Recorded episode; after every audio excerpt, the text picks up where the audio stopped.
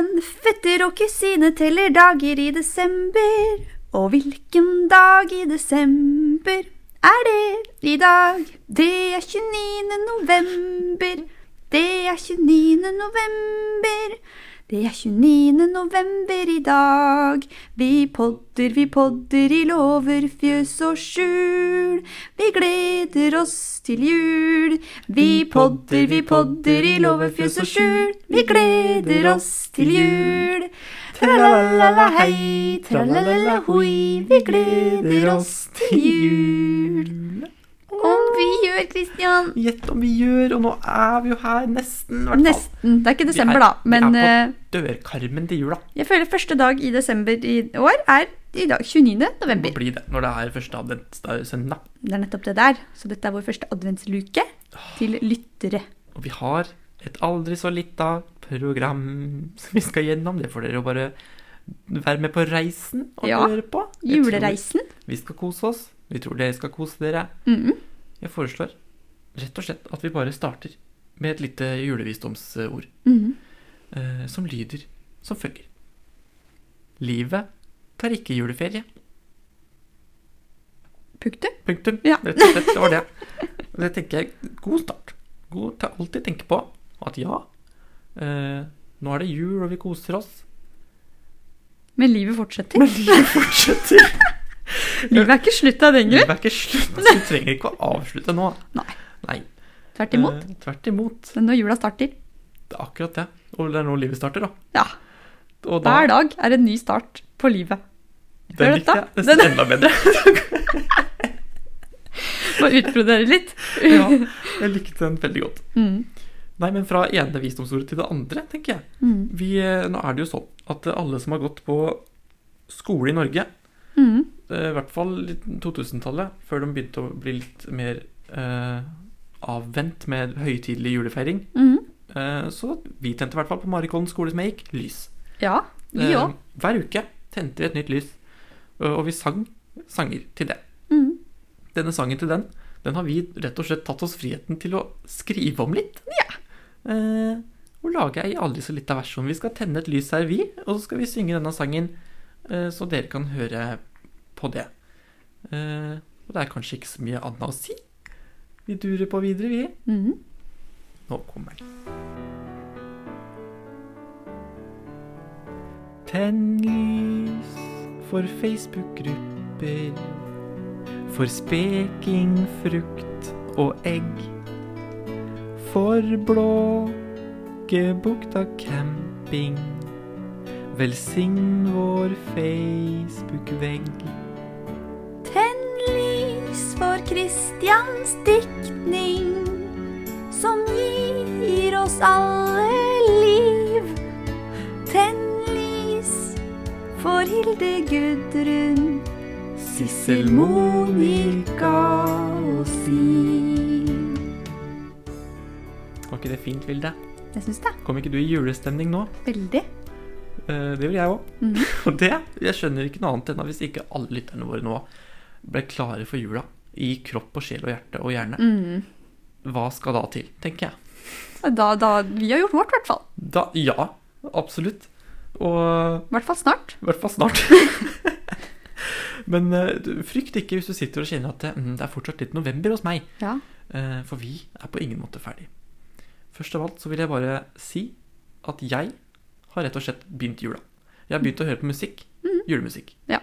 Uh, Jeg hørte på min eh, åpningssang som jeg hører på hvert år når jeg åpner jula, Adeste Fidelis, Oh. i dag. Og jeg grein. Ja, det vil jeg tro. Jeg gjorde det. Og jeg hadde den på høyttaleren. Jeg blæste den ganske så hardt Gjorde det, ja? inne fra rommet mitt, så Mm. både kollektiv og naboer, vil jeg tro, hørte det. Og det var så deilig. Det var så vakkert, Vilde. Ja. Og det var så nydelig. Fy søren, nå er faktisk jula her. den er det. Og derfor, og med det, så har vi lagd et juleeventyr Ja, som vi skal fortelle dere der hjemme. det har vi. Jeg tenker at vi finner en denne julete, litt sånn eventyrmusikk, Tuner den inn. og så tuner vi den inn. Jula var her. Det var den første desember, og nissefar kjente seg klar i kropp, sjel og magasekk. Og magasekken, den var stor.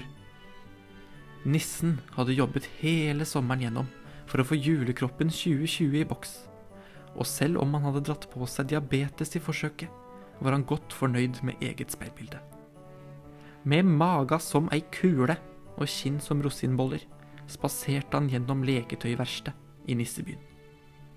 Det hadde vært et ekstra krevende år, da smittevernreglementet på Nordpolen krevde såpass endrede arbeidsformer for nissens alver at produksjonskapasiteten hadde gått ned med vel over 70% Men ved å leie inn billig arbeidskraft fra Øst-Europa og Myanmar hadde nissefar likevel klart å produsere nok leker til å dekke behovet. Det var tross alt bare relativt velstående barn i vestlige land som var hovedmålgruppa. Så, med selve julegaveproduksjonen godt sikret, var det noe annet som opptok nissefars tanker i disse dager. Den siste tiden hadde han følt nissemor gli lenger og lenger vekk fra ham. De tilbrakte ikke så mye tid sammen som før. Hun lo ikke like mye av julevitsene hans som hun pleide, og sexlivet, ja, det var ingenting å snakke om. Når sant skulle sies, hadde forholdet de to imellom vært skrantende de siste par tiårene, men det var særlig dette året han hadde merket den skremmende utviklingen for alvor. Han hadde forsøkt å spørre om det ikke var det konstante fokuset på jul hun hadde gått lei av, men det latet ikke til å være det. Nissen, han visste ikke sine arme råd, og måtte finne på noe som kunne føre dem sammen igjen, redde forholdet og redde julekvelden. Nissefar visste at det beste nissemor veit, det er karamelliserte mandler og et glass whisky. Han tok derfor til å kjøpe inn nok til hele julen, i håp om at det skulle snu om på humøret hennes. På vei ut av butikken møtte han på Rudolf. Hei, Rudolf, ditt reinsdyr, sa nissen. Rudolf han svarte ikke, for han var et reinsdyr. Nissefar låste opp sleden, pakket inn varene og satte kursen hjem. Idet han skulle gå inn døra, kom snekker Andersen, en familievenn, brått ut. Hyggelig å se deg, Andersen. Spikka noe i det siste? sa nissen, litt tullete. Snekker Andersen anerkjente ikke humoren, men ga nissefar et smil. God jul åt deg, sa Andersen. Jeg ser du er ute med gavepose allerede. Jeg er jommen ute på gavetokt sjøl. Du får ha ei fin desember, og god jul. Snekker Andersen fyrte opp Volvoen sin og forsvant rundt svingen. Nissefar kunne høre den sprengte potta lenge etter at bilen var ute av syne. Han tok seg en siste pust, for motets skyld, og kom seg omsider inn døra og videre inn i huset. Nå har jeg kjøpt noe som vil gjøre deg glad, nissemor, sa han. Men ikke før hadde nissemor rukket å svare, så så nissefar at på kjøkkenbenken, der sto det en stor kurv med brente mandler og to flasker whisky. Se her hva snekker Andersen har satt igjen til oss, sa nissemor. Ja, jeg ser det, svarte nissen. Men den kan vel aldri ha for mye? Det er vel strengt alt mulig, det, sa nissemor.